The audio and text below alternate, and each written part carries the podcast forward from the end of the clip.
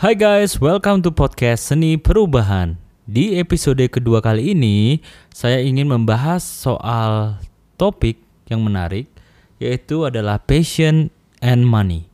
Oke, kata passion sendiri itu sebenarnya apa sih? Ada yang bilang passion itu adalah seperti sesuatu yang kita kerjakan, tapi kita mencintai apa yang kita kerjakan, atau bisa seperti hobi, atau sesuatu yang hal yang kalian senangi lah kalau mengerjakannya. Dan biasanya patokan orang untuk tahunya passionnya apa sih itu ketika dia melakukan hal tersebut dan dia tuh sampai lupa waktu gitu. Contohnya kalau ada orang yang passion di music gitu dan dia bermain musik dari pagi sampai malam pun dia sampai lupa waktu, terus lupa makan, lupa mandi, tapi dia happy doing that gitu. Dan ada yang bilang juga passion itu kayak sesuatu yang kita kerjakan bahkan kalau kita nggak dibayar sekalipun kita masih happy doing that gitu. Kita masih tetap bekerja. Nah itu namanya banyak orang mendefinisikan uh, passion seperti itu. Nah sekarang saya sih mau becoming realistic lah. Let's be realistic guys gitu. Realistisnya apa? Nah jika passion dari apa yang kita suka itu belum menghasilkan apakah kita akan tetap passion dengan hal tersebut. Karena namanya hidup ya kita kan perlu duit gitu. Kita nggak usah muluk lah. Gue selalu percaya bahwa you know money is not everything but almost everything needs money gitu. Contohnya gue mau berbuat baik pun mau charity mau nyumbang pun ya butuh duit. Ya memang sih nggak duit aja. Perlu waktu perlu apa. Tapi tapi coba deh pikir kalau kita oke lah pergi ke tempat charity tersebut kita memang pakai kendaraan atau enggak? Perlu kan? Perlu transport kan? Dan itu perlu duit kan? Iya kan? Dan terus kita mau berdampak lebih banyak lagi kita mau memberikan kenyamanan buat buat yang kita sumbangkan gitu. Kita pasti memerlukan dana lebih besar lagi supaya mereka kebutuhan sandang pangan papannya terpenuhi gitu. Nah karena itu karena kita sudah tahu bahwa selama kita di dunia ini kita akan memerlukan yang namanya uang atau duit, berarti kebutuhan basic kita kayak sandang, makan, uh, pangan, sandang, papan itu harus terpenuhi, guys. Dan kalau passion kita ini tidak menghasilkan dan tidak memenuhi kebutuhan basic kita, nah di stage ini kita akan bingung gitu loh. Karena apa yang kita kerjakan itu nggak menghasilkan uang dari apa yang yang kita kerjakan atau belum lah menghasilkan uang dan dan soal itu sudah bukan passion dulu gitu. Maka kita akan jadi tertekan menurut saya gitu. E, kalau kayak seperti yang tadi itu maka gua pikir jangan mikirin passion dulu tapi pikirin untuk survive dulu gitu. Stage awal kita harus survive guys gitu loh. Karena kalau kita maksa nih passion kita itu pasti passion equal to pressure gitu. Passion kita akan menjadi tertekan karena ada tekanan ekonomi di situ dan hasil karya Anda yang harusnya bisa dinilai tinggi atau mahal, tapi karena tekanan ekonomi, kita harus rela menjual murah dan cepat untuk kebutuhan dasar yang mendesak, bukan? Ya gimana? Saya beri contoh deh. Ada seorang pelukis terkenal, dia sangat hobi dan passion banget soal melukis. Sebenarnya karyanya itu uh, dinilai tinggi lah 20 juta, 30 juta gitu harusnya. Tapi karena dia ada tekanan ekonomi, karena kebutuhan basicnya dia tuh tidak terpenuhi dan menjual lukisan itu kan nggak tiap hari gitu, nggak gampang menjual lukisan. Nah akhirnya apa? Maka hasil karyanya dia itu dia jual murah guys. Nah di sini kasihan kan, harusnya karya yang mahal bernilai puluhan juta karena tekanan ekonomi jadi dia terpaksa menjual murah. Nah di sini passion jadi pressure gitu, bukan lagi passion. Dia jadi nggak happy karena dia, dia pikirin basic needsnya harus terpenuhi. Apalagi kalau dia punya anak, ya kan? Nah coba deh pikir di situ. Dari sini saya mengambil kesimpulan bahwa sometimes gitu kita harus survive dulu. Kita harus memang harus survive dulu sih, bukan sometimes sih. Kita memang harus survive dulu dan kita harus do what we hate dulu ya. Be good and edit gitu. Contohnya di sini adalah dunia penjualan. Satu skill yang membuat kita mendatangkan uang itu adalah penjualan, guys. Yaitu adalah sales. Tapi kalau dibilang apakah ada orang yang passion di sales? Mungkin ada, tapi proses sales itu menurut saya tidak semua orang suka gitu. Contohnya, oke, okay, siapa sih yang senang kita menerima rejection? Ya, karena kalau sales itu kan pasti kita berhubungan dengan rejection ya. Nggak semua orang, wah enak banget kalau kita setiap nawarin barang tuh semua orang bilang iya, iya, iya, iya. Kita langsung cepat kaya, kita juga pasti happy banget. Tapi kenyataannya nggak seperti itu kan. Dan siapa juga yang senang harus menelpon prospek, mencari prospek, bikin janji, presentasi. Belum lagi kalau dia nggak dateng ya kan kita harus bikin janji lagi ribet kan prosesnya ya itu proses sales yang di mana menurut saya sih banyak orang yang nggak suka gitu. Kalau ada yang suka ya oke lah syukur. Tapi menurut saya itu kebanyakan orang dengan ada rejection tuh nggak suka gitu. Karena kita maunya berhasil kan. Kita maunya mendatangkan uang kan.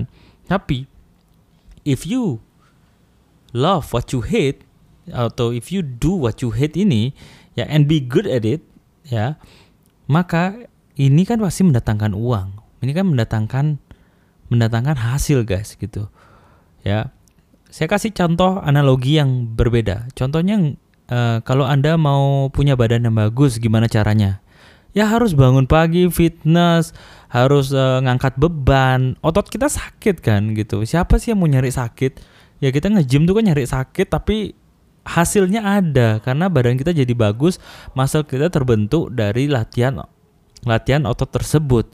Tapi kalau kita tetap melakukan itu walaupun kita nggak suka, sakitnya nggak suka, tapi kalau kita good at it, kita akan mendapatkan hasilnya sama seperti di dunia penjualan. Untuk bisa survive di stage awal ini, maka kita harus do what we hate, yaitu kalau Anda tidak suka jualan, Anda harus harus melakukannya. Suka atau enggak, mau tidak mau, just do it gitu karena itu yang membuat kita untuk survive dulu dan dari hasil penjualan tersebut yang kita gunakan uh, itu hasilnya dari penjualan tersebut baru saya bisa mengamplify atau menguatkan passion kita. Contohnya saya dengan penghasilan yang dari dunia penjualan ya saya kan dunia baju saya jadi menjual uh, baju baik secara uh, konsinyasi maupun secara online. Dan jika penghasilan tersebut sudah memenuhi kebutuhan dasar saya dan hasil itu ada hasil yang lebih, maka saya bisa investkan lagi ke bisnis dan saya bisa fokus membuat karya yang indah sesuai dengan passion saya tanpa adanya tekanan ekonomi. Artinya apa? Misalnya saya memang di dunia bisnis Uh, dan dan saya bisa beli alat-alat pendukung hobi saya men, men, uh, dari hasil tersebut. Contohnya saya suka musik, saya bisa beli speaker, saya bisa beli uh, gadget untuk kebutuhan produksi saya dan itu saya lakukan dengan happy karena tidak ada tekanan ekonomi.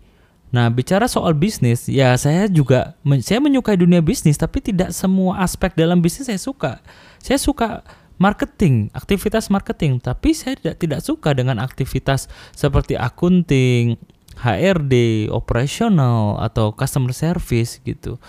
Saya nggak suka itu dan dengan adanya hasil dari penjualan saya, saya bisa mengamplify apa yang saya passionkan, yang apa yang saya sukai yaitu adalah aktivitas marketing. Tapi saya bisa meng-hire orang untuk melakukan hal yang saya kurang suka, yaitu accounting, HRD, operational atau customer service itu saya bisa delegasikan ya. Dan saya bisa bisa melakukan apa yang saya senangi yaitu fokus di marketing dan bahkan saya bisa melakukan hobi saya seperti kayak bermusik seperti saya bilang atau gadget atau hal-hal yang lainnya tanpa saya tertekan. So, menurut saya saat kita sudah ada hasil maka hasil tersebut bisa mengamplify passion kita dan menolong kita untuk uh, bisa apa apa hal-hal yang kita tidak sukai itu bisa kita delegasikan dengan cara dengan cara hire team gitu. Oke, tapi kalau seandainya hobi kita atau passion kita itu akhirnya menghasilkan minimal sama atau jika melebihi penghasilanmu yang sekarang, good, kamu bisa berpindah kendaraan dan fokuslah di sana. Ya, seperti saya bilang contohnya tadi, saya misalnya berkarya musik tapi sebagai sampingan ya yang saya fokuskan adalah dulu bikin uh, bisnis ini dulu. Tapi seandainya nanti karya saya ini tuh hasilnya itu kelihatan dan melebihi dari bisnis ini bisa saja saya bisa berpindah berpindah kendaraan guys.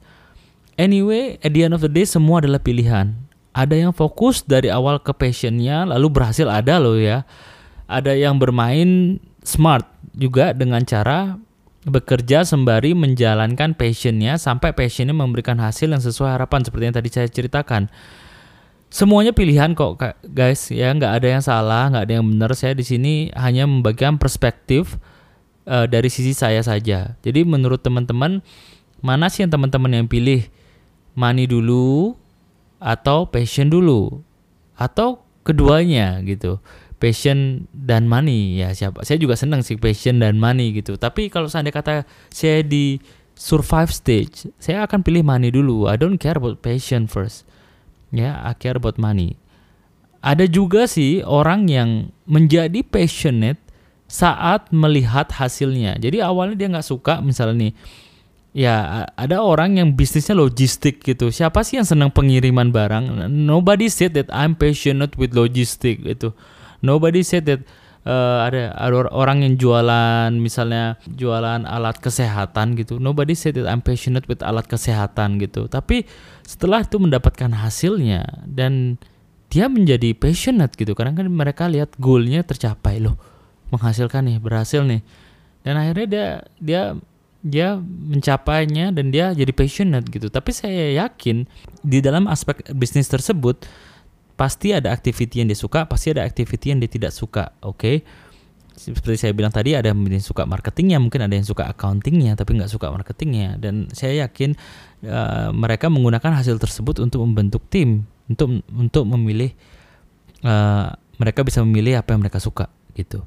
Dan saya suka sih dengan kalau ini di dunia ideal-idealnya ya, kalian coba dari research suatu konsep di Jepang namanya ikigai, yaitu adalah irisan dari what you love and what the world need and what you are good at and what do you get paid for. Jika kalian bisa menemukan uh, apa yang kalian lakukan dari irisan keempat irisan tersebut, that's the best gitu, that's the sweet spot ya. Tapi jika belum, saran saya fokuskan ke sales ya. Kalau kalian suka sales is even better. Tapi kalau kalian nggak suka sales dan proses-prosesnya itu, maka just try to to do it gitu just just do it itu karena itu yang mendatangkan hasil ya anyway you have to do it because you need to work you need to earn money to survive oke okay? kalau kalau nggak mau di penjualan ya udah kamu kerja sama orang gitu bisa oke okay? just do whatever that makes money first untuk bisa kamu survive selanjutnya gunakan hasil tersebut untuk membesarkan um, aktivitas dari passion kamu oke okay? selalu ingat bahwa Berubah itu tidaklah mudah guys, namun hidup akan lebih mudah jika kita berubah. Inilah akhir dari episode kedua dari Seni Perubahan dan be grateful and take action. Bye.